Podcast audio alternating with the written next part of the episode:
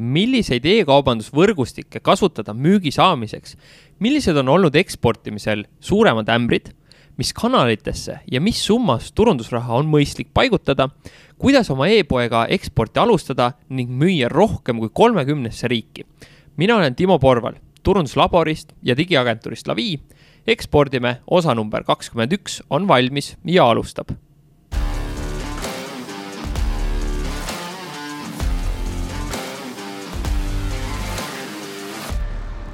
enne veel, kui läheme saate juurde, siis tule kindlasti meie Facebooki gruppi Ekspordime ja samamoodi kõik saated on Youtube'ist vaadatavad, otsi üles Ekspordime kanal, vajuta subscribe ja oled alati kursis, kui uus osa ilmub täna on külas naine, kes omab kahtekümmet sokisahtli füüsilist poodi, kes neid poleks siis kaubanduskeskustes kohanud.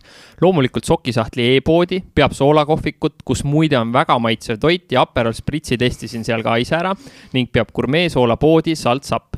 Salt Sappi poodi ma pole veel ise sattunud, aga üks Google review on igatahes järgmine. valik sooladele ja pipardele on ikka jube lai. minusugune toidugurmaan võib lausa tundideks sinna poodi ära eksida. ikka, ikka ja jälle leian miskit uut, mida proovida. müüja on ka ääretult vahva ja abivalmis. kohvi pakutakse ka, soovitan soojalt. sokke on ta müünud kolmekümmend kahte eri riiki ning soola kolmekümmend kuute. erilisematest asukohtadest saab välja tuua Omaani ja Katari iga kuu tuleb eksporditurgudelt nelisada kuni viissada tellimust ja nagu ikka, siis nende maht sõltub sellest, kui usin sa ise oled. Piret Ilver, tere tulemast podcasti Ekspordime.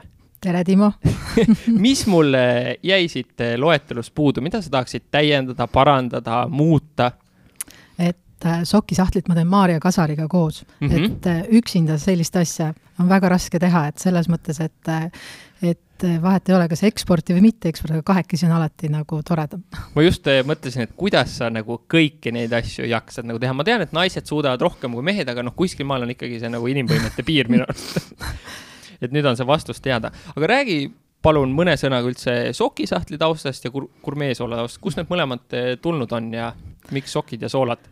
No kunagi üksteist aastat tagasi juba ise ka imestan, et nii ammu juba see oli, et siis äh, saime kokku ja mõtlesime, et teeks midagi lahedat, kuna ma olin parajasti äh, USA-s äh, õppimas jaekaubandust, siis käisin mingisugust täiesti suvalist harjutust tegemas Viiendal avenüül ja kuskil nurga taga nägin ühte sellist imelikku räämaspoodi, mis oli juba kinni pandud, mille peal oli Shock Drawer kirjutatud. siis ma tõlkisin selle eesti keelde ja siis tulin Eestisse tagasi teadmisega, et nii, nüüd Maarja, et teeme siis äh, ühe, ühe sokipoe. ja sealt siis hakkas see pihta ja tegelikult noh, äh, vaikselt läkski, et äh, esimesed aastad noh, päris keeruliselt ja nüüd ise ka imestame, et juba üksteist aastat on täis, et äh, ei ole nagu märganudki. ja tänaseks ongi siis kakskümmend poodi, et vahepeal on neid nii-öelda rohkem, vahepeal vähem, et ütleme seal kaheksateist kuni kakskümmend neli, et äh, vaatame ka siis, kuidas seda nii-öelda optimeerida, et praegu on jah, Eestis on kakskümmend mm. -hmm ikka vägevalt palju, noh, ma ütlen, ma enne, kui sa turunduslaborisse tulid, siis ma kogu aeg nagu nägin, siis vaatasin, oo, vau, sellised nagu kliendid tulevad laborisse, ülilahe. aga soola puhul oli nagu asi selles mõttes äh, võib-olla isegi natukene naljakam, et ma läksin mingil hetkel tagasi ülikooli ja siis äh, strateegilist juhtimist õppima ja siis kõik äh, kodutööd ju tuli teha mingi ettevõtte baasil. aga kaua sa siis selle sokkide baasil ikka teed, et noh, igav hakkab juba, siis me mõtlesime kursakaaslastega, et noh, et teeks siis, kasutaks neid ülikoolis saadud teadmisi mingis täiesti uues eksperimentaalses ettevõtmises, et millest võiks siis ka magistritöö välja kujuneda ja et võtaks siis kaalusime igasuguseid erinevaid asju, oli seal nii-öelda analüüsil oli, et, et mida võiks teha, aga jäime siis maailma kõige igavama asja juurde, mis oli sool. ja mõtlesimegi just, et teeks sellise ekspordisuunitlusega ettevõtmise ja et vaataks, et mis siis, mis siis juhtub, et kui panna nii-öelda enda kogemused, tarkused ülikoolis saadud teadmised, et noh, et kas on üldse võimalik maailma kõige igavamat asja müüa võtsite ikka korraliku väljakutse endale? no põhimõtteliselt küll, et see oli nagu selline noh, ega keegi isegi ei uskunud, noh, eks läkski niisuguse rohkem nalja tegemisega alguses, aga nüüd on ka juba seitsmendat aastat ju tegelikult, et noh aga konkurente sellesse just nagu sellise gurmeesoola vallas, et olete te nagu ainulaadsed oma selle kontseptsiooniga või on teisi niisuguseid poode veel? no see, Eestis ütleme mitte ja ütleme Baltikumis, seal siin lähi, lähiriikides, aga mujal maailmas kindlasti, eriti just, kus on, ütleme, soolapiirkonnad, et noh, me, noh, meid teeb eriliseks see, et me just nii-öelda korjame need erinevad soolad igalt poolt maailmast kokku, et meil on üle kolmekümne viie erineva soola ja just sellised küll kõige kaugemad on siis Tasmaaniast, siis ütleme sealt äh, Lõuna-Aafrikast, Peruust ütleme, selli-, sellis-, sellistest piirkondadest ja aga jah, et, et ega neid soolapoode on ju üle maailma ja maitseainete poode ja igasuguseid vürtspoode on ju maailmas väga palju, et selles mõttes, et noh, konkurentsi on igal pool ja selles mõttes soola müüakse ju ka igal pool, et see nüüd ei ole mingi selline äh, geniaalne, geniaalne idee ja ainulaadne mm. -hmm aga kus see või mis viis mõtte selleni, et noh, selle sokisahtliga hakata nüüd ikkagi eksporti tegema, et minu arust maailm on ka nagu sokke täis ju. no absoluutselt, kõik ju müüvad sokke, et eh, ega ma, ma just sõitsin siia, siis ma mõtlesin selle hetke peale, et kas ma mäletan seda. ja siis tegelikult ei tulnudki nagu meelde, see läks kuidagi loomulikult, et kui me tegime e-poes ja hakkasid äh, nii-öelda esimesed tellimused minema välismaale, aga loomulikult äh, kõige suurema ekspordialase sammu me tegime see, et me läksime Soome, me tegime Soome poed. reaalselt füüsiliselt äh, neli poodi ja meil oli need, kas me arvame, mingi seitse-kaheksa aastat tagasi ja panime nad siis kinni ka peale seda, kui nad olid kuskil kaks-kolm aastat, kolm aastat olid. et, et selles mõttes, et see oli selline esimene äh, suurem selline ekspordialane ettevõtmine ja kui sa nüüd kindlasti küsid, et milline oli kõige suurem ekspordialane selline hävimine või mi-, siis see on seesama mm, -hmm. see Soome minek, et, et, et see, e, kuigi tegime kõik nii-öelda by the book ja nii-öelda kõik e, nii nagu peab, valmistasime ette, et uurisime turgu ja kõiki asju ja teadsime, et meil olid ju soomlased kliendid ju siin ka, et väga hästi, nad, nemad ju ka kogu aeg küsisid, et millal te ometi Soome tulete. siis, kui me sinna kohale jõudsime, siis noh, enam nii roosilised asjad ei olnud aga mis siis nagu valesti oli või mis nagu tagantjärgi vaadates? no tagantjärgi vaadates ma arvan, et oleks pidanud rohkem ise kohal olema, et, et kui sa ikkagi lähed teise keskkonna, teise ühiskonda seda tegema, ja olenemata sellest, et sul on seal head juhatajad ja head töötajad ja ütleme, väga tublid inimesed ja toode on ka hea, et kui sa ise seal ei jõua kohal olla, nii palju vähemalt alguses, et siis see, siis sul peab olema kas väga suur rahakott nii-öelda, et seda nii-öelda nii teistpidi finantseerida, osta siis sisse seda kellegi teise kohalolekut, või siis sul peab olema tõesti nii unikaalne ja hea toode, et mille peale lihtsalt äh, joostakse tormi, noh, ja nagu sa ise ütlesid, sokke müüakse ju igal pool, et noh, et kindlasti meie toode seal lihtsalt sellel, sellel momendil ei olnud. et või, või me ei jõudnud siis ka seda hetke ära oodata, vaata mm -hmm. tagantjärgi on nii-öelda raske, raske öelda, sest kõik need trendid ja asjad muutuvad äh, riikidel ka erinevalt, et noh, võib-olla täna oleks väga omal kohal, ei oska öelda mm. -hmm.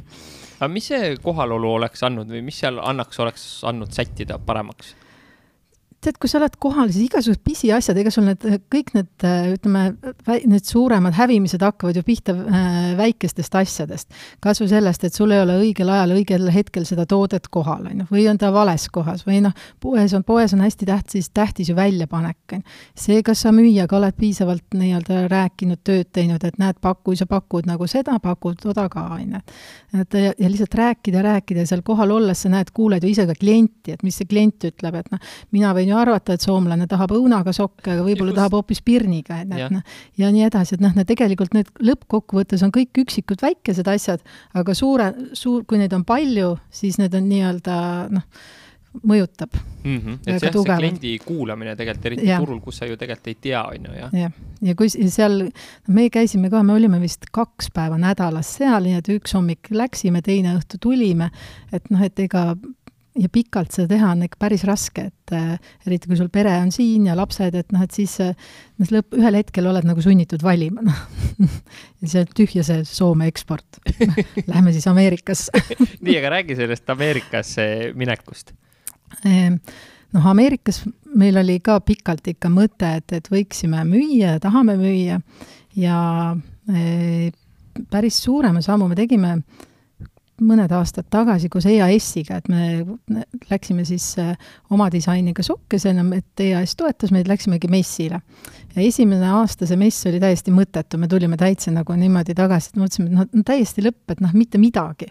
et, et noh, tore koht küll see Las Vegas, aga nagu sokipaari ka ei saanud müüdud aga kuna see projekt oli noh, õnneks meil pikaajaline ja siis ma mõtlesin, noh, me ei viska kohe lusikat nurka ka, et läksime siis äh, teist korda uuesti ja siis oli nagu vastupidine efekt. ja siiamaani ei saa nagu aru, et kuidas see, kuidas see nagu toimis niimoodi, et esimene aasta väljapanek oli oluliselt parem, kõik oli nagu palju läbimõeldum. teine aasta läksime siis noh, selle mõttega, noh, me peame ju selle ära tegema, et me ei saa ju nagu nii-öelda, me ei saa, me peame sellest projektist kinni pidama, et noh, nüüd pool, pooljõuga.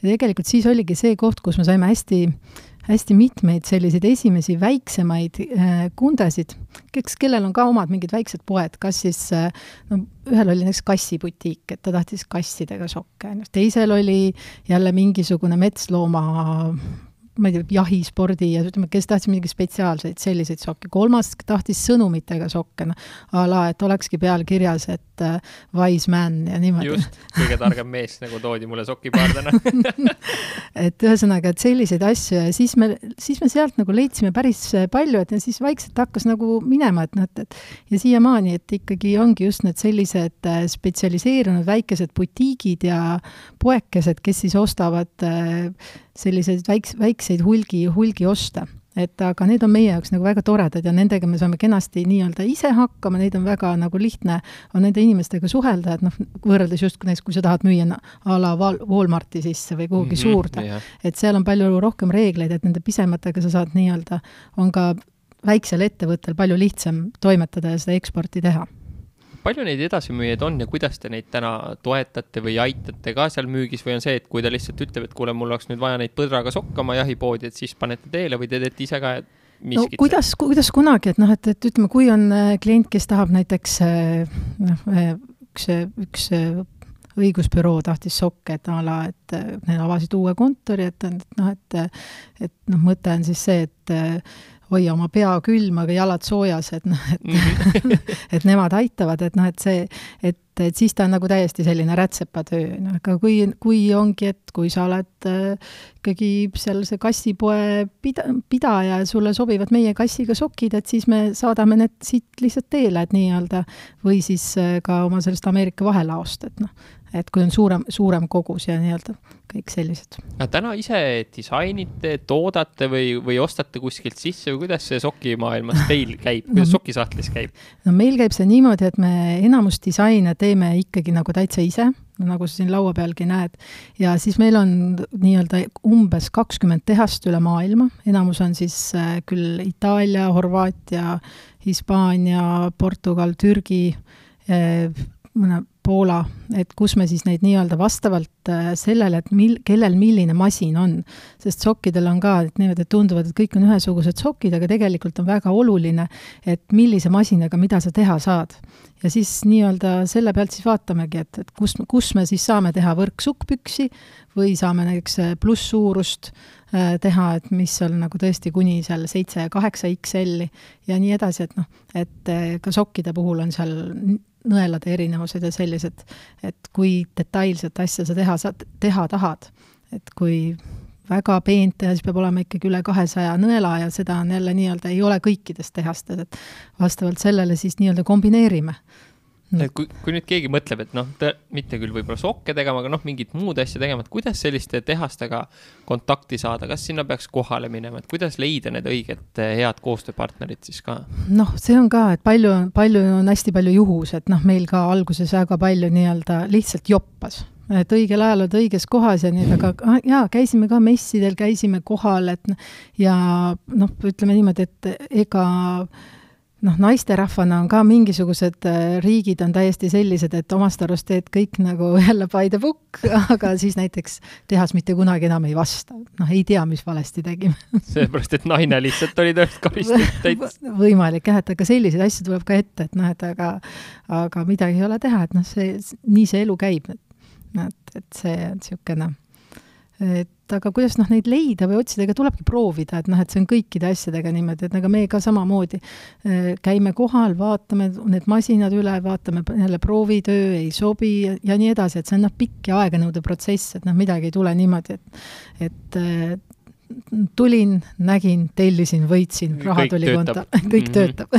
Kas on mingi riik, kellega on ka lihtsam selliseid, sellist tootmist teha ja kõik nagu on algusest peale lihtne versus, ma ei tea, mingi teine riik, kus on kuidagi kogu aeg on üks nikerdamine ja jama? no mida me nagu üldse püüame täiega vältida, on tegelikult Hiina, et noh, et see on väga nagu keeruline, et noh, esiteks on, noh, kogused on Eesti mõistes väga suured, teiseks on see, see just seesama, see arusaamine, kuna nende kultuuris on see ei ütlemine nii-öelda nagu nad, või üt, nad sulle ei ei ütle, aga samas, samas nad ei tee ka, et noh, et, et see on nagu keeruline, et siis äh, aga üldiselt ma ei, ma ei, peale selle ei olegi nagu väga sellist, noh, pigem on see nagu inimestes kinni, et mitte selles mm. -hmm. riigis või rahvuses, et äh, tänapäeval ikkagi ju enamus neid kõik, kes on tootjad, teavad, et noh, tellijatega tuleb kenasti läbi saada, et olenemata, mis äh, soost sa oled või mis rahvusest, et noh, et seal ei teki nagu sellist probleemi, et olete enda jaoks mingid reeglid paika pannud, paika ka pannud, kui te nüüd valite uusi tootjaid, et noh, mida te kindlasti jälgite, mis on niisugused punased lipud kohe, et mida vältida, et need vigu juba kuidagi ennetada?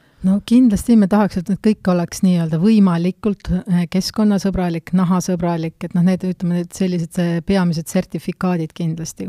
siis me käime ka kohal, vaatame nii-öelda oma silmaga üle, et, et kui ma tõesti räägin inimestele, et jaa, et vot seda, seda nii-öelda toodet on näiteks, et see värv on seitse korda välja loputatud, siis ma olen reaalselt ise ka seda protsessi näinud, et eh, mitte ainult ma ei räägi seda ühe pildi või mõnes, mõne lihtsa bukleti pealt mm, -hmm. vaid Mhm. reaalselt me oleme kohal käinud seal.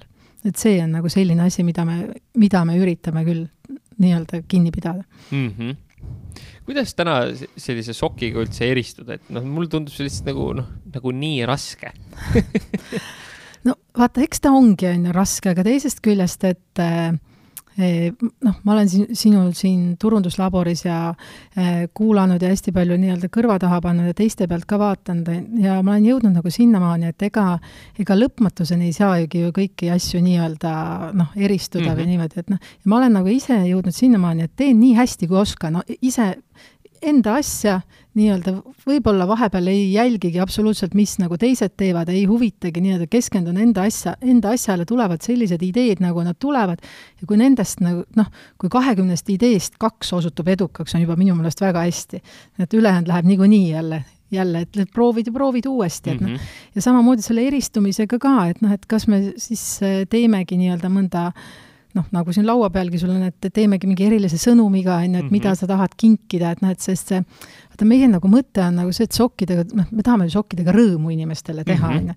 et meil ei ole mingit väga suurt missiooni maailma päästa, me tahame lihtsalt nalja ja rõõmu mm -hmm. teha. et see ongi nagu meie puhul see koht, et kus me leiame endale selle eristumise koha mm. -hmm. et lihtsalt, et kui sa saad selle sokipaari kingiks, et noh, lähedki kellelegi külla, viid, kui sa loed sealt, et kõige ilusam naine või kõige targem mees, et noh, siis see teeb kink, kingi yeah. saajal nii-öelda juba naeratuse yeah. näole see ongi ju tegelikult see, mida me nagu tahame täna teha. tulid, ma ütlesin kohe teeme nagu selfie, et see on lihtsalt nagu nii hea, vaata yeah.. just, see on kuidagi just. nii automaatne, et edaspidi ka podcast'i kuulajad, ärge kinkige sünnipäevaks nagu kaarte, kinkige sokke nagu, just või..., ja need kantakse ära ka, sest kogu aeg on puudus yeah. sokkidest. et võidaks küll öelda, et umbes, et jõuludeks kõige nõmedam kink on sokid, aga see ei vasta tõele, sest sul seal kümnenda jaanuari hommikul ei ole sul neid värskeid sokke sealt võtta ja kui siis sulle jõuludeks on toodud, sa oled väga rõõmus. just võtad sealt pakist need välja. mis te eksportimises selliseid nagu hitt-tooteid, kuidas te pihta olete saanud, et mingit sellist, oh vot, selle mõtlesime välja, et see tõesti nagu läks ja siiamaani tellitakse või, või noh? tead, ega ei olegi, see on nagu hästi-hästi hooajaline, hästi erinev, et äh, mingil momendil me, mis meil oli vahepeal hitt, ütleme neli-viis aastat tagasi me tegime need sandaalisokid et ehk siis sul olid nagu valged sokid, nagu sandaal oli peale joonistatud, et seda me müüsime tõesti Amazonis päris palju. et see oli selline korraks hitt, aga see hitt on täpselt niimoodi, et see tuleb lainena, ta on korraks, käib ja siis võib-olla tellid järgmise partii ja siis vaatad, kus sa selle kümnese, kümne pakiga maha saad müüa, et seod lipsu külge, et vähemalt saaks, et jah, et seda on nagu väga keeruline öelda, aga praegu, mis ma näen, et noh, meil endal on hästi palju, on sellised keskkonnasõbralikumad tooted müüvad just USA poolelt, et ka meil on endal üks EcoCare sari, mis on siis kus siis niiti nii-öelda taaskasutatakse, et kui see niidijäägid tekivad sukkpükste tootmises, siis kohe nii-öelda jälle purustatakse, jälle tehakse uus niit ja nii-öelda, et võimalikult vähe jääks tootmisjääke, vot, vot see läheb nagu inimestele korda ja seda, seda ma näen, et ostetakse päris kenasti, et see on selline, aga see ei ole ka niimoodi, et müük oleks lakke läinud, vaid pigem on mhm. see näha, et teadlikkus on kasvanud inimestel ja see, sel-, sellepärast toimub see kasv mm. -hmm. sellist, et hommikul ärkan üles, et täna on nüüd issand, kus ma raha panen seda, seda momenti ma ei ole näinud no te müüte nii Amazonis kui enda e-poes siis on ju mõlemas?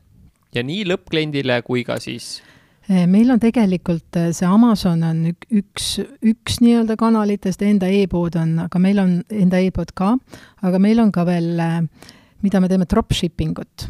et, et, et nii-öelda teised müüvad meie tooteid ja meie siis saadame lihtsalt välja et see on, ja samamoodi me oleme katsetanud, katsetanud ja tegelikult on töös nii eBay kui erinevad sellised muud platvormid, et et äh, mis siis noh, lähiriikides, et noh, Kaup24, et Pigu, Läti, Leedu, aga mi-, mis on noh, meie jaoks ka täiesti selline okei okay müügikanal, aga samamoodi, et on äh, Rumeenias on e-maag, et oleme seda katsetanud ja ütleme, selliseid, selliseid erinevaid ka hulgiplatvorme, et äh, ega kui mõne leiamegi, proovime, katsetame, kui töötab, lähme edasi, kui ei tööta, siis lihtsalt äh, paneme kinni ja kogu lugu, et, et siin mingit sellist, sellist nagu valemit, et mida me nüüd mm -hmm. just, miks me teeme, et ei olegi. no see valem ongi see, et katseta ja proovi ja, ja, ja vaata tegelikult. just. kuidas see dropshipping'u asi teie poolelt töötab kenasti eh, nii-öelda? no alati võiks parem olla, aga no näha on, et jälle see, et võtab aega, kuni see nii-öelda käima läheb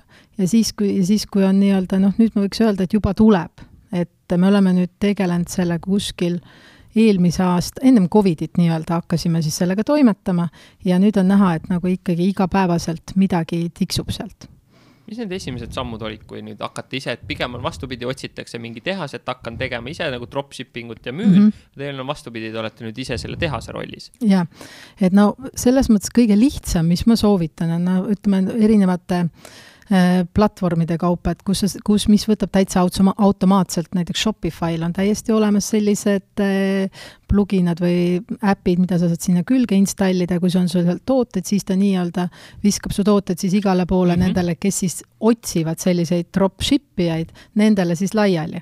et võib-ollagi katsetada siis sellega, et see on nagu, et sa saad pildi ette, et kuidas see töötab ja et siis edasi on siis juba nagu enda otsustada, et kas siis jätkata selle Shopify ja ütleme, selliste selliste äppidega, üks äpp on selline, on Spocket näiteks, et võid pärast ka ise kirja panna. et aga, või teine variant on siis ka enda feed'ist nii-öelda, kui sul see XML feed, et mis siis nii-öelda neid tooteid laiali jagab ja siis, siis sealtkaudu, et noh aga Kaup24-s ja seal te olete samamoodi sees või nemad on ostnud ikkagi teilt endale lattu? ei, me oleme ikkagi niimoodi ja et, et me, meie enda feed'ist läheb nendele siis platvormil toode ja me paneme ise kokku selle ja saadame välja mm. -hmm. Amazonist, eh, mis seal selle platvormiga nii-öelda selgeks saanud on ja mis seal hästi ja halvasti läinud on ma olen nagu selle aru saanud, et sellest aru saanud, et nagu tõenäoliselt lihtsam on raha teenida Amazoni koolitamisega, kui Amazonis ise müüa et eh, aga, aga jah, et, et ütleme, kui kui nagu trend on see, et kui kõik nagu suunavad siin seda FBA-d tegema, et fulfill, fulfilled by Amazon, on ju, siis meie oleme tegelikult ikkagi jäänud sinnamaani, et see fulfilled by merchant on meile nagu kasulikum, kuna tooteid on lihtsalt niivõrd palju. Ja teine asi on see, et äh, meil ei ole nii palju neid, ütleme, full, fulfillment'i kulusid, et kuigi, kuigi on see shipping kulud, et aga see tuleb ikkagi, on meile kasulikum ja samamoodi me saame ise nagu paremini seda reguleerida. et ei pea maksma, sest noh, kui me saadame USA-sse, tuleb maksta tollid ja ütleme, kõik see, see eh, dokumentatsiooni pool, on ju, et noh, et see, see ei pruugi tagasi tulla, aga see, kui sa seda ise täidad, tarneaeg on küll pikem ja tellimusi mõnel koha pealt tuleb vähem aga samas ta meile on näiteks sobivam, aga see ei pruugigi jälle, vot ma ütlengi, et see on nagu hästi erinev, et noh mm -hmm., et ärid on erinevad. et kellele sobib see FBA ja kellele sobib FBM. mis veel Amazonis eh, tuleks teha, et need asjad eh, siis müüks?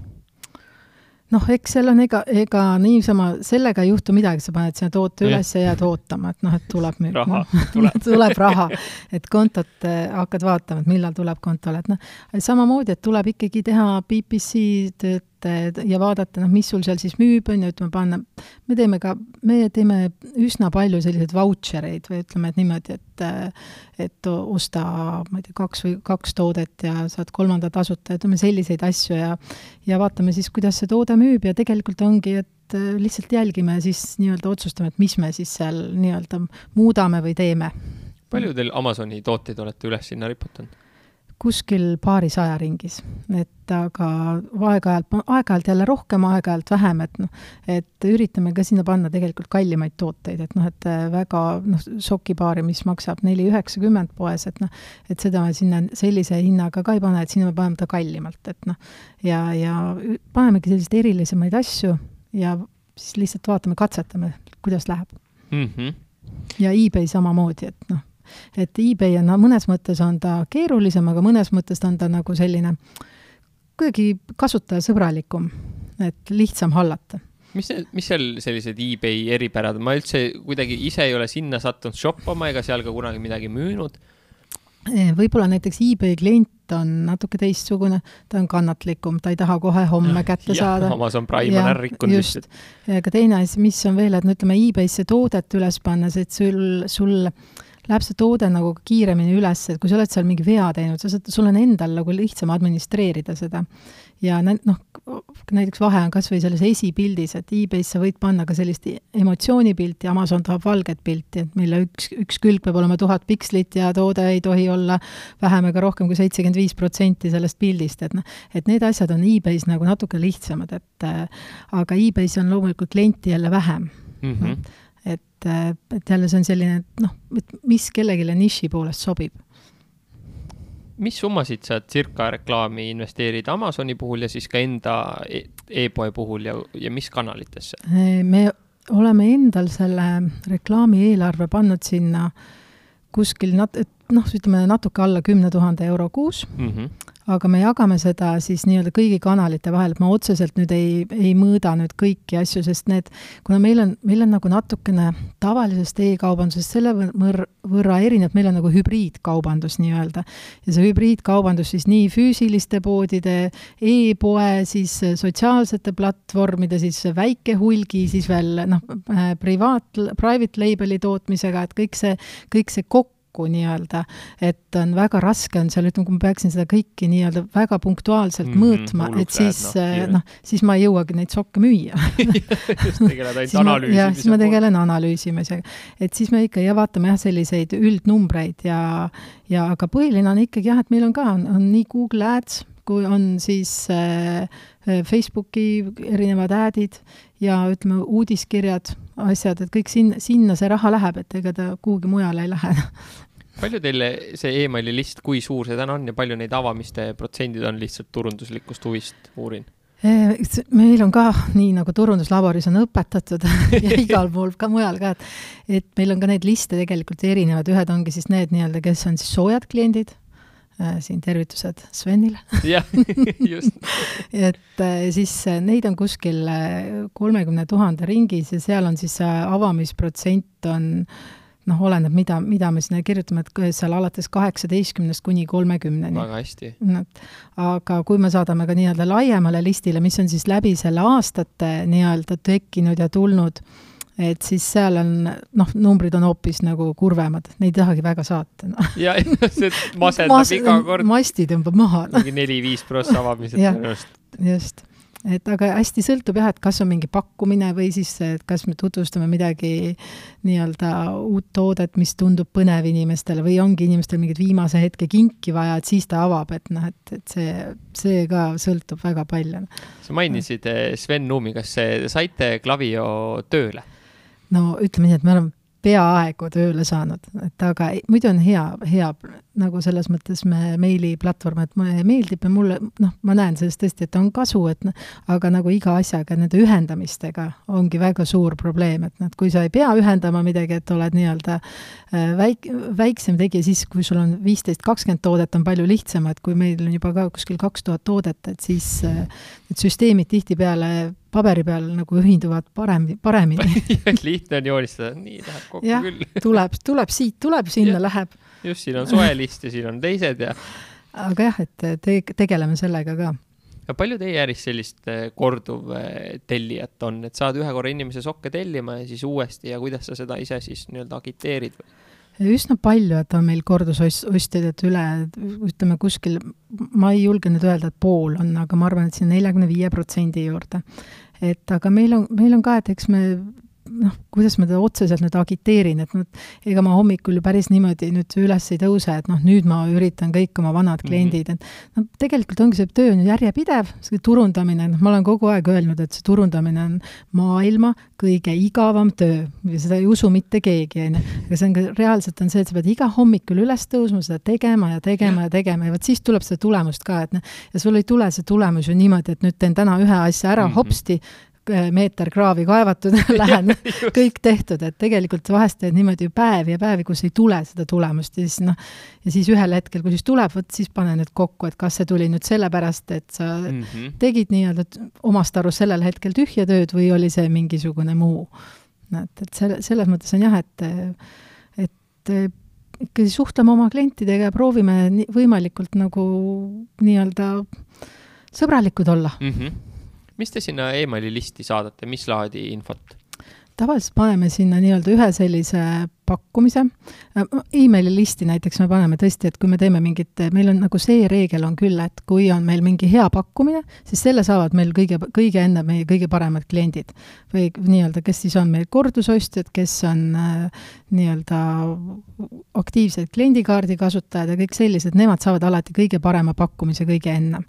et äh, ja siis paneme ka nii-öelda, näiteks mingi tähtpäevaga on tegelikult, kui on Halloween, on ju, et noh, et siis on ikkagi Halloween ja kõrvits mm. -hmm, noh, yeah. kui on nüüd aega, siis teen täna mingisuguse kõrvitsasupi retsepti, paneme vahest ka mõne retsepti mm, -hmm. et mhm. vaata, et noh, just, et nagu ideid anda, et mis, mis selle Halloweeniga siis teha, noh näiteks see Halloween ongi nii palju, läheb populaarsemaks järjest, on ju, et noh, et viis aastat tagasi noh, väga vähesed tähistasid veel Halloweeni, aga nüüd on nagu kolmkümmend üks oktoober on kindel, et sul peab kõrvits, kõrvits olema. põlev kõrvits.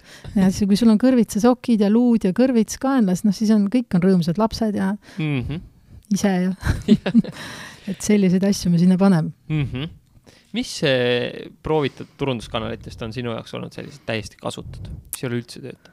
No igasugused bännerid erinevates äh, portaalides näiteks, et äh, mis hüp-, noh, nii-öelda, kas on, on ta siis päisebänner või küljebänner või suur üle. Ma, noh, see on täiesti uskumatu, et noh, et ma ei ole, ei ole aru saanud, et sealt äh, nagu mingisugust tulu tuleb, et noh, need numbrid ja nii-öelda, et noh, näitamised, et äh, ma ei, ma ei tea, kellele neid näidatakse. ma ei tea ka, kelle, just, et kes need inimesed on, et jah. Ja et see on nagu täitsa selline, mida ma nüüd olen nagu nii-öelda välistanud, et kindla-, noh, mis, mis on sellised, et millel on nagu teistsugune väärtus, millel ei tule ka võib-olla otse nii-öelda kohest sellist müüki, on need, ütleme, igasugused sisuturundusartiklid, on ju, aga seal on see nii-öelda väärtuskoht mujal, et noh, et aga et, et ei maksa loota, et kui sa teed sisuturundusartikli, et siis kohe selle peale on e-poes on e, e-pood jookseb umbe. jah, nagu e esmaspäeva puhul või midagi. just, jah. mingid kanalid veel mis on sellised? no järjest vähem me teeme ka, ütleme, sellist printreklaami, et noh, et, et seda ei ole ka mõtet enam teha, et, et see, vanasti me tegime seda nii-öelda palju rohkem ikkagi, aga nüüd äh, praktiliselt see on täitsa välja, välja läinud ja sama, sama tundub olevat ka näiteks noh, ütleme raadio ja selle puhul, sest kõik, kõikidel on juba oma listid, mida nad kuulavad, Spotify, et noh mm, -hmm. et või mi-, mida iganes, oma list nii-öelda raadios ka, et noh, et, et see, see tundub ka, et läheb järjest nagu niisugune noh, hakkab ära vajuma. hääbum, hääbuv, jah. palju sa täna enda ettevõttes juhina hoiad turundusel kätt pulsil ja mis sa arvad, kas juhid peaksid üldse turundusse sekkuma?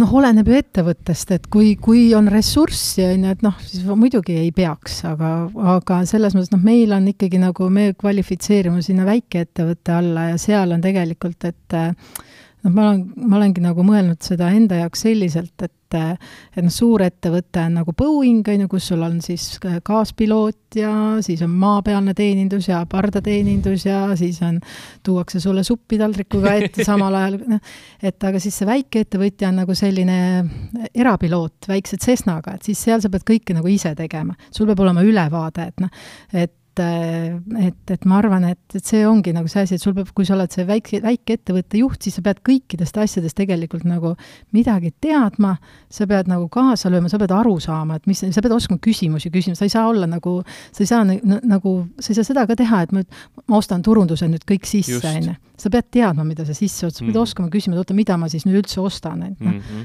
Et sest neid nii-öelda soolapuhujaid, kes igasuguseid asju sulle müüvad, et noh, neid on ju ilmtäis ja kui sa ei tea, mida sa ostad, et noh, siis võib muidugi vedada ja jopata ja et mm -hmm. noh, mhm. kõik töötabki imeliselt, et noh, aga see pigem on selline pigem nagu haruldane, haruldane., jah, kui kohe läheb ja. esimese korraga nagu pihta. ma olen jah skeptiline selles suhtes, et ma, ma olen ikka seda meelt, et ise pead seal vaatama ja oledki oma sealt Cessnas ja vaatad ülevalt alla, et kuhu lendad, kellega lendad ja mis, mis need näidikud seal armatuuril näitavad. just, sest noh, see turundus on ikkagi nagu nii oluline ju osa kogu selles ettevõtluse komplektis, et noh, ilma selleta ja kui sa sellest nagu aru ei saa, siis on jah, nagu keeruline kuidagi lennata selle lennukiga minu arust aga tuleme korra soola juurde, saltsapp, mis sammud sellega ekspordi osas tehtud on? vaata, siin, kui jälle sõitsin siia, siis ma mõtlesin selle peale ja siis selle soola puhul ju tegelikult see oligi nagu ainult ekspordiks aus, ausalt öeldes mõeldudki. ja vaata, seal oli nagu selles mõttes nagu lihtsam, et sokisahtliga on niimoodi, et, et äh, väga raske on ka, ütleme, väikeettevõtjal sellele ekspordile keskenduda, kui sul nagu siin nii-öelda juba nii-öelda äri käib, on ju, sul on nii-öelda igapäevaseid toimetusi ja siis proovi sinna kuhugi Ameerikasse või Rootsi või Kanadasse neid sokke müüa, on ju. samas sul siin on klient, kes kohe praegu võtab kümme mm -hmm. paari ja läheb minema, et sa tegelikult ju keskendud äh, sellele olemasolevale kliendile aga ta siis Soola puhul oligi nagu see, et me nagu olemas, siin ei olnud meil ühtegi klienti, on ju, ja me ei plaaninudki siia nagu ühtegi klienti, et noh, ja mõtlesimegi just, et me müümegi ainult väljapoole ja selles mõttes need tegevused olidki juba selle, selle poole pealt nii-öelda erinevad, et noh, see, et me kogemata siin Eestis ka müüma hakkasime, see oli nagu puhas juhus, et noh, et see ei olnud nagu üldse planeeritud. Noh. et seal oli konkreetselt, et müüme eksporti ainult läbi, läbi e-kaubandusvõrgustike ja niimoodi, et, et minimaalselt nii-öelda soola puhul oligi see mõte see, et see Äh, lisandväärtus nii-öelda, mis brändi, brändi näol ja brändiloomes tekib, et see siis jääks nagu Eestisse, aga kõik muud tegevused oleks nii-öelda välja, väljaspoolt sisse ostetud.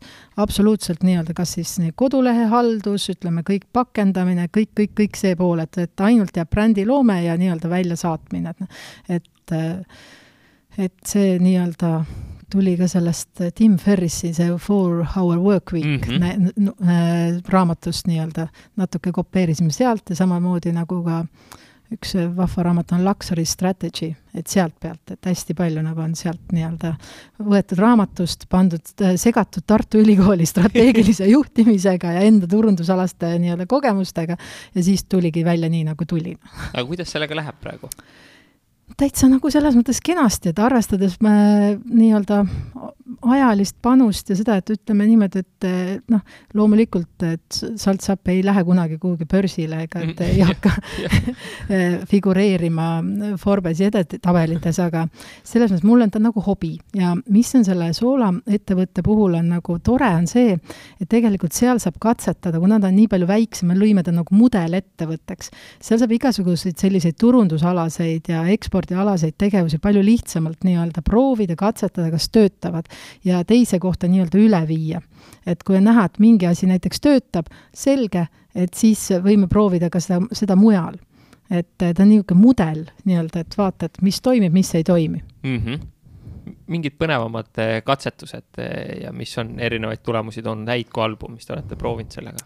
no seal, seal me oleme tõesti minu, see, eh, selles nii-öelda oleme proovinud praktiliselt noh, kõikvõimalikud erinevad e-kaubandusvõrgustikud läbi et alates noh, Amazoni kõik nii-öelda Mehhiko, Singapur, Austraalia, kõik sellised ka läbi, äh, samamoodi eBay, kõik erinevad need äh, maade kaupa suuremas osas, et et, et ja, ja samamoodi ütleme, igasugused sellised noh, kõige põnevam oligi see, et Hongkongi müüsime pea kakskümmend tuhat purki kakskümmend tuhat purki. kuidas see diil nüüd aset leidis, mis See- asja? ise ka täpselt ei tea, et see kindlasti ei saa selle, selle, selle, selles ei saa nagu süüdistada ühtegi sellist nagu turundusalast nagu megateadmist, et see No oli nagu puhas juhus, et vot nad noh, et vot soola puhul ongi näha, et seal on nagu selliseid ühekordseid asju on nagu rohkem, et noh, nii näiteks Jaapanisse või siis ka, ka Katari, kui noh, Katar on selline nagu lahe koht, et kus me oleme siis ka nii-öelda saadame, teeme private label'it sinna, et, et vaatame, kuidas sellega läheb, et see on niisugune viimase aasta selline hästi pikk protsess, kõik need paberid korda saada, kõik äh, erinevad kaubanduskojad, nii Araabia omad, Eesti omad, need, ühesõnaga, see on pikk-pikk töö, et noh, et aga jah, et sai tehtud. aga see kakskümmend tuhat, see oli private label'ina või see oli läks? private label'ina ka. et Mhm. see, see oli, noh, ütleme seda me ei ole ületanud aga kus see nagu tehing alguse sai ikkagi, et see ju noh, ma saan aru, joppamine küll, aga noh, see, et ma istun kodus soolapurgid ees, noh, siis ei Ei juhtu tule- midagi. aga ilmselt ka, et, et selles mõttes, kui me alustasime kaks tuhat viisteist, siis see, vot siis oligi enamike inimeste jaoks see soolamaailm oligi see, et maailma kõige igavam toode. ja kellelgi oli vaja reklaamkingitusi, nägi meid seal nii-öelda Facebooki reklaami, võttis ühendust, meil oli olemas nii-öelda ja olime võimelised saatma, tegema ja, ja siis ta nii läkski. Noh, eks ta hiljem on, hiljem on neid väiksemaid asju ka läinud, et noh, aga vaata, siis ongi, et, et mida nagu nende ärikingituste maailmas on kogu aeg palju midagi uut ja huvitavat mm. -hmm. pakkuma, on ju, siis kui sa oled sellel hetkel seal nii-öelda selle, see toode on trendikas, siis sul läheb ja siis mingi hetk siis jälle enam ei lähe, et noh, et eks see kujuneb välja, et kas need soolad on eh, teil ka erinevate sõnumitega, ma ei tea, toome su ellu vürtsi või, või teete mingeid ärikinke nagu sokid või? Äh, osad on, et selles mõttes, et on story juures, et näiteks et meil on üks selline spetsiaalne pipar, et mida sa paned džinni sisse, selline melegueta, siis see, näiteks, et USA-s osades osariikides on see siiamaani keelatud, sest teadaolevalt koos džinniga see pipar teeb mehed hulluks. Ahah olete katsetanud, teeb või ei tee? no ütleme niimoodi, et on olnud kordusoste järelikult toimib. et, et sellised jah, et seal on nagu pigem sellised, et noh, et ka ütleme, toidugurmaanid, kes teavad, mis mingi pipar on, et või mingi sool, et siis nad just selle, selle järgi tulevad, et noh, ja seal näiteks sõltub hästi palju ka sellest, et kui no kui Madagaskaril oli nüüd näiteks näljahäda ja põud, siis see Madagaskari pipar nii-öelda läheb eh, hinda. siis samamoodi on see aasta, et noh, näiteks Tasmaania pipra hind on kümnekordistunud ja võidab see, kellel see hetkel veel laos. et seal nagu sõltubki sellest loodusjõududest, et eh, korralik aktsia jah mis sa sest kullast ostad, ostad pipart mm. -hmm. et jah, et, et ne, aga need ongi, sealt ongi näha, et näiteks see, see eksport ka tõuseb, sest see, ütleme, maailm on suur ja lai ja seal on inimesed, kes seda pipart siis või soola siis näiteks hindavad ja siis otsivad seda taga. Ja siis, kui sul on see sellel hetkel olemas, siis sa oled nii-öelda ekspordis võidumees Mm -hmm. et ja soolakaevandustega on samamoodi, et kui on näiteks äh, mõned aastad tagasi üks kaevandus äh, ujutati üle, seda soola, noh, planeeriti, et see kaevandus avatakse paari aasta pärast, siiamaani ei ole seda avatud, sest noh, lihtsalt ei ole võimalik seda tõenäoliselt jää lähemat viiskümmend aastat avada. aga ka seesama sool, mis sealt kaevandusest pärit oli, läks järjest nii-öelda, otsiti tikutulega taga, et noh, aga noh, sellel ei ole jälle seos, seost mitte mingi sinu enda Mhm. jah, turundustegevusega. sa ei saa ise mõjutada, jah. lihtsalt nii on, on ju. mis on eh, endal sellised järgmised tegevused, mille, millele te keskendute, et seda ekspordi osakaalu või noh, veel rohkem eksporti teha selle soolaga? No me ka nagu nii-öelda ikka võtame e-poodi inimesi juurde, et just selles mõttes, et kuna see, kõik need eksporditegevused ja on üsna keerukad, siis see väljaõpe võtab aega, et, et nii-öelda, nii-öelda kõikide nende paberite vormistamine, kas ütleme, sellist tehnilist tööd on seal päris palju, et noh, siis me nii-öelda tahamegi endal ka võtta juurde inimesed, kes siis eh, noh, ongi, et jagame ära need tööülesanded, et on rohkem siis, kes tegelevad Eesti-siseste pakkidega, kes siis on puhtalt nii-öelda välismaa peal, et, et see oleks nagu selline, et oleksime kiiremad ja saame sinna nii-öelda rohkem tooteid üles, rohkem mm. -hmm. pakkumisi teha ja kõike seda poolt, sest noh, ajast jääb reaalselt väheks, noh. kui lihtne täna turu pealt eh, on leida sellist head abilist? keeruline sa tead ise seda sama hästi. No mis need, mis sa arvad, mis need eh, põhjused on või mis seal taga võib olla, et ei ole nagu turult võtta kvaliteetset eh, tööjõudu appi, et seda eksporti No- nagu kasvatada? eks see, vaata, eks see tundubki nagu kogu see turundus ja eksport, see tundub nagu sõnadena hästi niisugune seksikas ja lahe mm -hmm. ala. noh, turundus on, tundub nagu noh Vau. vau, jah. jah, ta olen turundusspetsialist, et kõik on, või ekspert, aga reaalsus on niimoodi, esiteks see turundus, et noh, ma esimest korda läksin turundusse tööle aastal üheksakümmend seitse, ma ei teadnud mitte midagi. nüüd siis aastal kaks tuhat kakskümmend üks ma võin ka öelda, et ma ei tunne, et ma oleks nagu nüüd ma kõike tean, sest ma ka ei tunne. noh, just. just, aga mul on nagu tunne, et, et need, ütleme, ütleme, need kõik need koolitused ja asjad, mis tehakse nii-öelda turu peal, et on ka, et nad- on nii-öelda, annavad inimestele väikse sellise mekki sellest asjast mm. -hmm. aga nad ei rõhuta seda, et sinna tuleb ise nii palju juurde võtta ja siis tullaksegi nagu selliste nagu nii-öelda valede ootustega mm. -hmm. et nad arvavad, et see on kõik väga lihtne, panen ühe pildi Facebooki üles Ja siis- ja müük tuleb. no Tada. ei tule kaugel kaugel sellest on Jah, see asi ikka jah ja, ja vaata, sealt läheb ju edasi see, kui sul asjad ei õnnestu või seda kohe seda tulemust ei tule, on ju, siis läheb nii-öelda motivatsioon ja mast läheb maha. Et eh, noh, teed ja teed ja midagi ei juhtu. Ja vot sellepärast ongi, et, et, et see, siis saadakse aru, et see turundus ei olegi nii, nii lahe asi, et noh, ja samamoodi, et kui see väikeettevõtte turundaja ja see su suurettevõtte turundaja on ka väga erineva budget'iga ju, et noh, et, et väikeettevõtted turundust teha on nagu selline mustkunstniku töö, et noh, et kuidas sa mitte millestki nagu midagi välja võtad. Just just. Et jah, seal on nagu noh, tegelikult nagu iga alaga turunduses on ka, sul on vaja seda nagu püsivust, sest noh, sul seda kaevamist on nagu väga palju vaja teha, et õppida, et noh. kumma brändiga sul on eh, lihtsam olnud eh, täna eksporti teha, miks?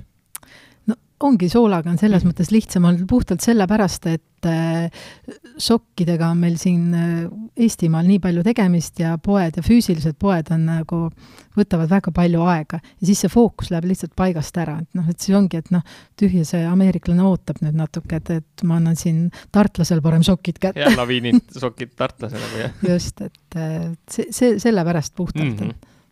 Sul ei istu ka programmeerijad kontoris, nagu ma tean, vaid sa kasutad ülemaailmseid eh, freelancer eid. kus kohas sa neid eh, leiad ja kuidas sa neid värbad? no mu lemmikplatvorm on Upwork, et jälle kunagi sellest äh, Tim Ferrise raamatust mm. -hmm. siis ta oli Elance'i nime all, aga sellest Upworkist äh, otsin ja, ja, ja mõne olen ikkagi päris, noh, päris pikalt, et neli-viis aastat koostööd teinud, et aga mul on seal nii-öelda ka erinevaid, et ühed on sellised kiirabi, teised on sellised ütleme, agentuur, mis on siis nii-öelda, teeb raskemaid ja pikemaid töid, ütleme, mis ei ole nii ajakriitilised. Ja niimoodi siis nii-öelda annan neile, panen kuulutuse üles, siis vaatan, kes äh, kohale lendavad, siis esitan küsimusi tavaliselt pooled kukuvad juba küsimuste esitamise peale ära. ja siis lihtsalt katsetan, annan ka mingid proovitööd nii-öelda kätte ja siis vaatan, et kellega siis ka klapp on, et just klapp selle koha pealt, et kui kiiresti ta vastab, on ju, et kui, kui relevantne see töö on, et äh, kas ta saab aru, et noh, et äh, mulle endale nagu hästi meeldivad Venemaalt, Valgevenest, Ukrainast, et nad on ikkagi nii-öelda meie, meie sellise kiirusega nagu natuke rohkem harjunud ja nad on, nad ei ole küll nii odavad, et noh, et äh, kui seal Aasia maadest, aga kuidagi nendega, noh, on see klapp, tundub, et statistiliselt on parem olnud. mm. -hmm. et noh, seal Aasia maades sul võib see tunni hind odavam olla, kui ta teeb kolm korda kauem ja neli Jah. korda rohkem vajab kommunikatsiooni, siis Jah. kokkuvõttes ka pole kuigi odav. sest kõige keerulisem, mis ütleme, programmeerijatega ongi, ükskõik, mis sa nendega siis annad nendele töö, et see töö selgeks teha, et mida sa tahad. et noh, et mu- ütled, et ära pane laua peale, siis sa mõtled, et ta paneb siis selle nii-öelda loogiliselt laua alla, aga ta võib selle panna kuhugi hoopis mujale, et noh, et Mhm. see, see selgitada, et see, see võtab aega. kui sa neid kuulutusi üles paned, mida sa seal nagu välja tood või mis seal, kuidas sa püüad neid juba selles kuulutuses filtreerida, et sul ei tekiks igasuguseid sinna? ma panen kõigepealt urgent ette et eriti kiire, et, et, et kas ta on võimeline kohe tööle hakkama.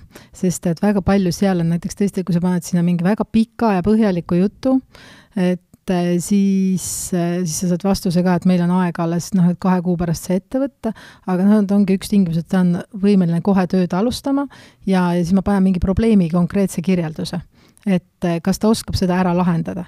ja siis ma küsin ka nii-öelda küsimusi juurde, et eh, milliseid töid ta varem teinud on, et eh, ja kui on, seda ma päris esimeses nii-öelda kirjavahetuses ei küsi, et kui ma olen, ütleme, kolm-neli tükki välja valinud, siis ma ütlen, et noh, et vaata nüüd mu kodulehte ja tee mulle selline nagu lihtne audit, et äh, ma ei taha seda isegi mitte tasuta, vaid noh, et ütlengi, et äh, ma ei tea, tee paaritunnine selline audit, et paneme nagu selle nii-öelda lepingu jooksma ja vaata, et anna mulle teada, et mis sa näed, et mis on vaja nii-öelda ümber teha, mis on vaja muuta. Ja vot selle pealt nagu tihtipeale, et see, sellega juba enamus kaob ära. Peab päriselt tööle hakkama. jah mm. -hmm. et sel-, sealt pealt saab tegelikult väga hästi siis vaadata, et noh, mida, siis sa saad juba hinnata ka, et mida nad siis nii-öelda oskavad ja mida nad näevad, sest noh, tõenäoliselt enamus vigu ma tean ise ka, mis seal on juba, et ma ei ole lihtsalt jõudnud, jõudnud nende, nendega nii-öelda pihta hakata, et kuna kiiremaid töid on ees ja siis sealt on noh, väga, väga häid inimesi välja koorunud aga just, sa lased vaadata seda nagu tehnilist poolt auditeerida või ka nagu turunduslikult oled sealt kedagi kaasanud, et tee mulle turunduslik audit, mis siit puudu on, mis usalduselemendid mis...?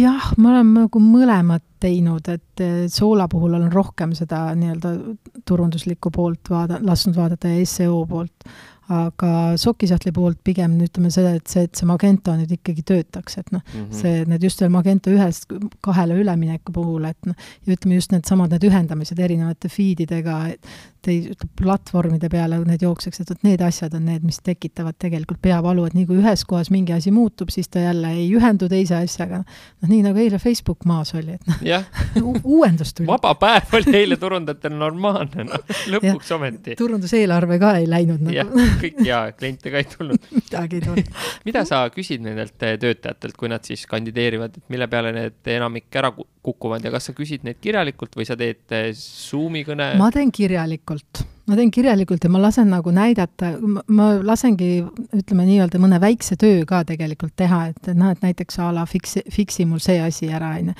või kas sa oskus, kui on mingi suurem, raskem asi, et noh, eh, ma ei tea, näiteks tellimus ei tule läbi, kui on Stripe'i kontoga makstud, siis ma kirjeldan talle selle probleemi ära ja kui ta oskab selle ära lahendada ja seda kiirelt ära teeb, noh, siis ei olegi juttugi, siis see mees tuleb endale paati tõmmata mm. -hmm.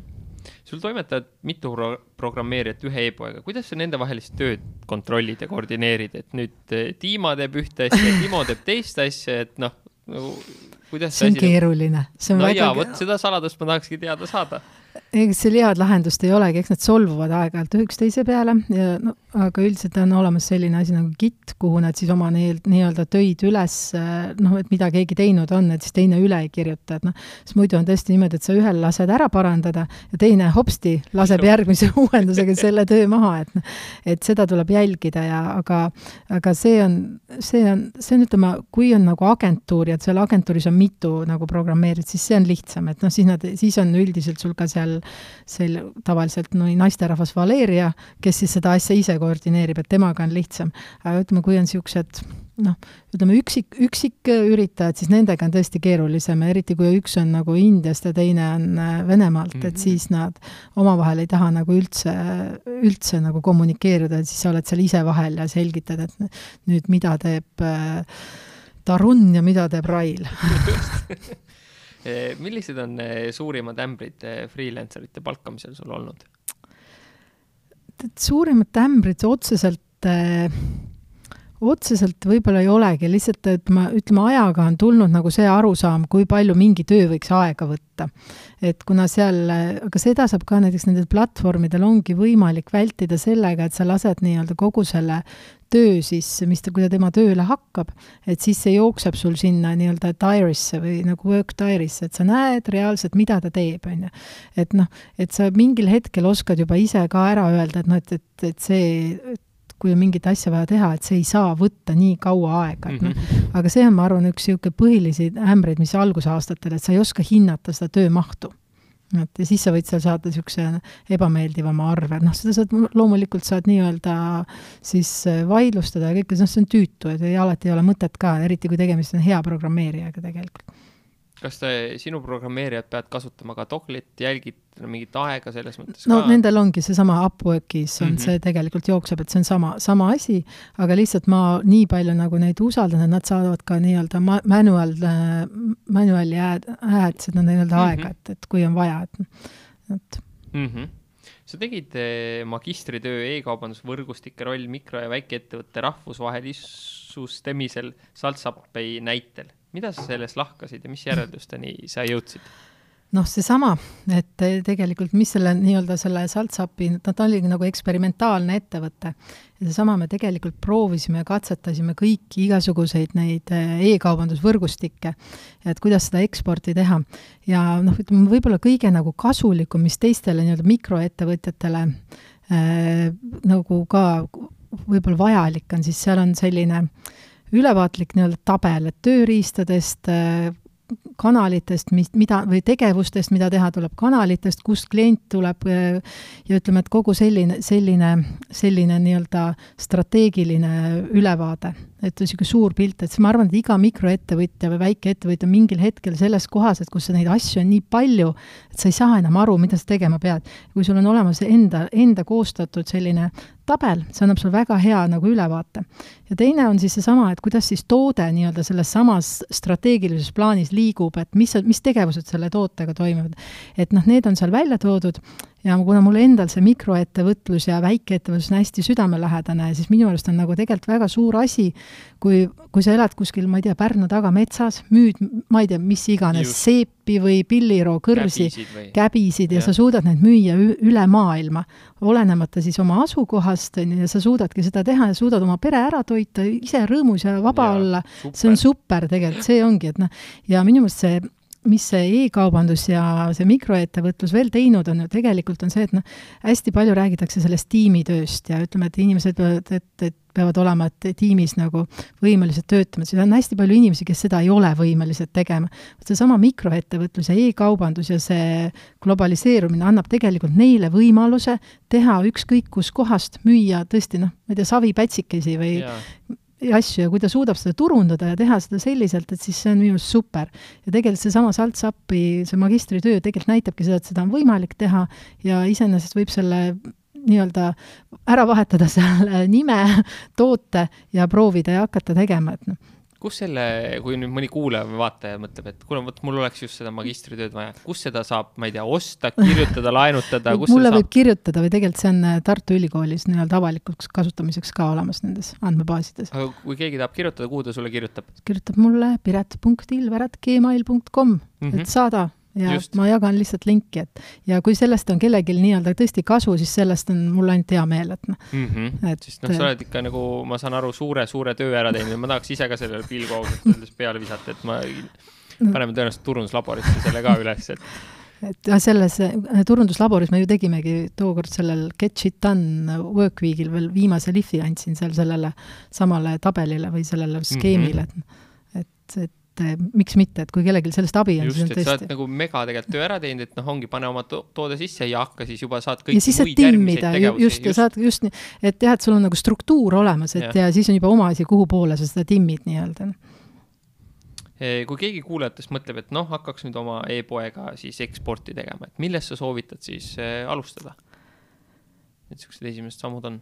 no oleneb nüüd muidugi sellest inimese taustast, et noh, et mida ta, mida ta oskab teha ja mida mitte, on ju, et noh, et kui päris mitte midagi ei oska, et siis ilmselt, ilmselt noh, Google aitab alati kõikide asja, asjade osas, et noh, kui on natukene juba niimoodi, et on toode olemas või et hakkab, noh, siis tuleb tegelikult lihtsalt hakata kuskilt pihta, et noh, õnneks on täna nii, nii palju materjali igal pool netis saadaval, et et äh, ei ole nii nagu kümme aastat tagasi, et pead välja nuputama, tegelikult täna on tõesti istu maha ja hakka guugeldama, et kuidas seda teed ja hakka küsima, on ju, et noh, ja et, et vaata, kuidas teised teinud on ja siis hakka kuskilt otsast pihta, on ju, et noh, et ma olen ka proovinud nii Wixi, nii Shopify'd, Vogue'i, noh, kõiki neid asju, et kus sa neid teha saad. Ja samamoodi kõik need platvormidki, et noh, hakka kuskilt pihta ja küll sa siis hakkad nii-öelda, siis tekivad ka küsimused, et aga oluline ongi, et jah, et mitte istuda ja oodata, vaid ja siis on selge see, et midagi juhtub Pärnumaalt, need kivid ei liigu kuhugi laia maailma, noh. ei liigu jah, et, et noh, tegelikult tulebki lihtsalt kuskilt, et valida kas või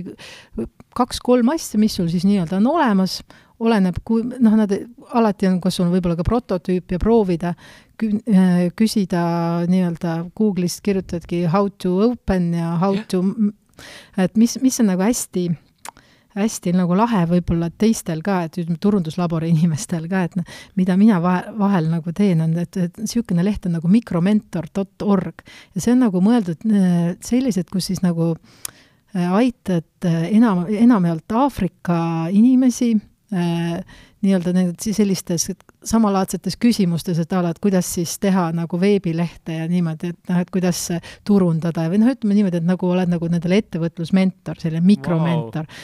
ja seal on nagu hästi huvitav on see, et äh, kui palju sa näed, kui palju see tase on erinev ja kui palju sa tegelikult, ma olen seal paari-kolme nii-öelda nii-öelda täitsa nii-öelda juhendanud ja aidanud ja tegelikult see annab endale hästi palju Muidugi. juurde. ja vaata seal nendel ongi needsamad küsimused, et mis ma pean, kust ma peaksin alustama. siis ütledki, näed, nüüd teed, guugelda seda, leia see, teine see, noh, ja nendel on näiteks no hästi palju on meil ju aeg edasi läinud, meil ei ole täna seda probleemi, et kuidas ma makseid vastu võtan. siis näiteks seal on need, need probleemid täna still nii-öelda mm -hmm. laual et, et, et ja siis tegelikult sealt, sealt saad aru, kui palju meil on asi edasi lihtne, kui lihtne meil seda teha on ja ega meil ka siin noh, natuke aega või noh, mõned aastad tagasi või mis see oli, aasta või poolteist või midagi tuli see Stripe. enne oli ka meil ka krediitkaardimaksed mm, -hmm. see oli ikka mingi peavalu ja ikka pidid küsima ja uurima, täna on Stripe Paluma. on olemas, nüüd on kõik nagu töötab, onju. just aga jah, see, sellega küll on see, et eh, lihtsalt vaatad Youtube'ist videoid, et eh, kolleeg Henri Palmar üks nädalavahetus tal tuli idee, et eh, davai, hakkan tegelema dropshipping uga, et -hmm. kui keeruline see on. ta tegelikult nädalavahetusega, nelikümmend kaheksa tundi mm -hmm. ja ta ei teinud isegi nagu garaaž nelikümmend kaheksa, et mm -hmm. öös ei maga. vaatas Youtube'is mingid videod, pani Shopify poe püsti, leidis sealt endale siukse toote nagu kassi küünte kraapimise pulgad mm -hmm. ja tegi esimese müügi ära Facebooki reklaamidega. nelikümmend kaheksa tundi.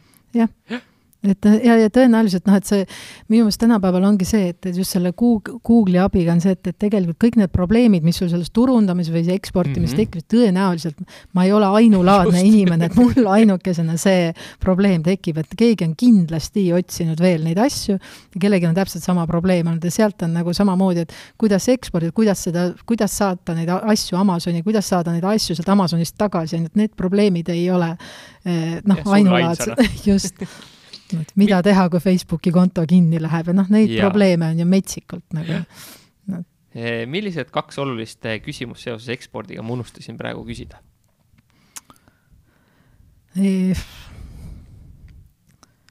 ma ei oskagi nüüd praegu niimoodi, võtsid tummaks minna või, või mis on veel, mida sa tahaksid kuulajatele-vaatajatele nagu südamele panna nii-öelda enda puhtast kogemusest ja enda nii-öelda loost? No võib-olla nagu seda, või mis mi-, noh, ma ütlen, mis minu jaoks on nagu oluline, et minu jaoks nagu, et ütleme, kui seal kui igal pool nendel turunduskoolitustel just, et, et kogu aeg nagu jälgi seda konkurenti ja vaadake, mis konkurent teeb ja siis mina ikkagi arvan seda, et, et tuleb teha nagu nii palju, kui ise enda südames teed oma asju hästi, on ju, et siis sul need asjad õnnestuvad, et kui sa kogu aeg nagu seda konkurenti mm -hmm. jälgid, sa lähed üle, ühel hetkel peast hulluks, sest alati on kuskil keegi, kes teeb nagu nii-öelda paremini, alati on keegi kuskil, kellel on rohkem võimalusi, kui sul sellel hetkel ja. on. et et nendel ei ole mõtet nagu keskenduda, et keskendu nagu oma ärile, tee seda oma eksporti nii hästi, kui suudad, on ju, et need kõik need edulood, et nagu kõik toredad, on ju, aga kui nad sind ühel hetkel, sa tunned, et nad hakkavad sind nagu nii-öelda segama mm, -hmm. siis, mhm. siis tee oma asja, tee hästi, on ju, et nad ja ei, ei pea kõik nagu jõudmagi sinna Forbesesse, et kui tõesti, kui sa sealt oma sellest Pärnumaa metsade tagant suudad neid asju müüa laia maailma, et sul on endal leib laual, pere on õnnelik, siis mis sa veel tahad? et tunne oma e-poest rõõmu, et noh, mis ma ise nagu olen teinud, et ma olen pannud endale, mul on praktiliselt igal pool maailmakaart seina peal. siis, kui mul tuleb tellimus kuskilt näiteks Omaanist, siis ma panen sinna, et sealt tuli, on ju, et noh, ja et see on nagu tegelikult selline asi, mis sulle hommikul annab ka nagu sellist motivatsiooni nagu teha, on ju, et noh, et jah, võib-olla Omaani ei lähe viissada pakki, lähebki aastas üks pakk, on ju, aga ikkagi see riik on noh, minu Just. jaoks, minu kaardil on ta nüüd olemas. ja kui sul neid nagu neid äh, Äh, täppe liiga palju saab, siis vot hakkab tegema seda kaarti, et millistest riikidest sa oled saanud äh, nii-öelda tagasisidet, et sul on väga lahe e-pood või väga lahe toode. vot see nagu hoiab sind nii-öelda töös et äh, see on jumalast lahe kaart et me, mul on äh, natuke analoogne kogemus oli, kui me Roland Tocco ja Toomas Kütiga Erik Edmitsi asju müüsime, siis me tegime ühe siis äh, online ürituse ja siis me saime ka saja üheksateistkümnest riigist registreerujaid mm -hmm. siis ja pärast müüsime kahtekümmet kahtekümnesse riiki. Läks punane ja roheline lipuke. ja, ja siis oli jumala äge oli näha seda, kuidas see Google'i see kaart siis värvus, Google Analyticsi mm -hmm. kaart, kuskohast inimesi tuli, palju regajaid nagu, et see oli nagu hullult lahe tegelikult, et eh, annab siit väiksest Eestist eh, nagu teha küll, on ju. just eh, aga nüüd, kui kuulaja mõtleb, et kuskohast rohkem, ma ei tea, infot leida, kuskohast neid sokke ja soola osta, siis kuhu see inimene minema peaks, kus need veebilehed, Instagrami kontod teil kõik on? Sokisahtliga on lihtne, sokisahtel.net mm -hmm. ja gurmeesool.ee ja ingliskeelne on saltsapp.com, et, et selles mõttes, et kui ma arvan, et Google'isse panna, siis tulevad ka välja, et, et nii palju ma olen Priit Kallaselt seda seo asja ikka õppinud ja, ja Priit Kallas on ikka seo asjas ikka väga hea, et kui temalt ka ei õpi, siis ma ei tea, kellelt veel Eestis on ju aga Piret suured,, suured-suured tänud, et sa jagasid oma kogemust ja ma loodan, et eh, sinu poolt müüdavad sokid ja sool jõuavad siis maailmas niimoodi, et see terve kaart on neid eh, knopkasid täis. just, aitäh sulle! aitäh! tänud, et sa oled selle podcasti lõpuni kuulanud. enne kui sa ära lähed kui sa tahad korralikult läbimõeldud veebilehte, mis aitab äh, sul müüki kasvatada ja oleks siis heaks eelduseks, kui sa tahad minna välisturgudele või sul on mõni muu turundusalane väljakutse, siis äh, mine lavi.ee ja vaata, võib-olla saame sulle abiks olla. samuti, kui sul on vaja kvaliteetset sisu, olgu see siis video, olgu see siis heli ja nõuga, kuidas siis seda levitada, äh, et oma klientidele väärtust luua ja jälgijaskonda kasvatada siis maratonstuudios.ee on kindlasti see koht, eh, mida uurida ja kuskohast alustada. olen Ahti ja Markoga väga palju koostööd teinud, teinud erinevaid projekte ja seesama podcast Ekspordime, mida sa kuulad, on siinsamas eh, Maraton stuudio sees eh, salvestatud. ja julgen neid mehi nagu tõsiselt soovitada. ja miks? on see, et nad on profid, nad hoolivad sinust, nad teevad asja hingega ja noh, sellist komplekti või kokteili kohtab ikka väga-väga harva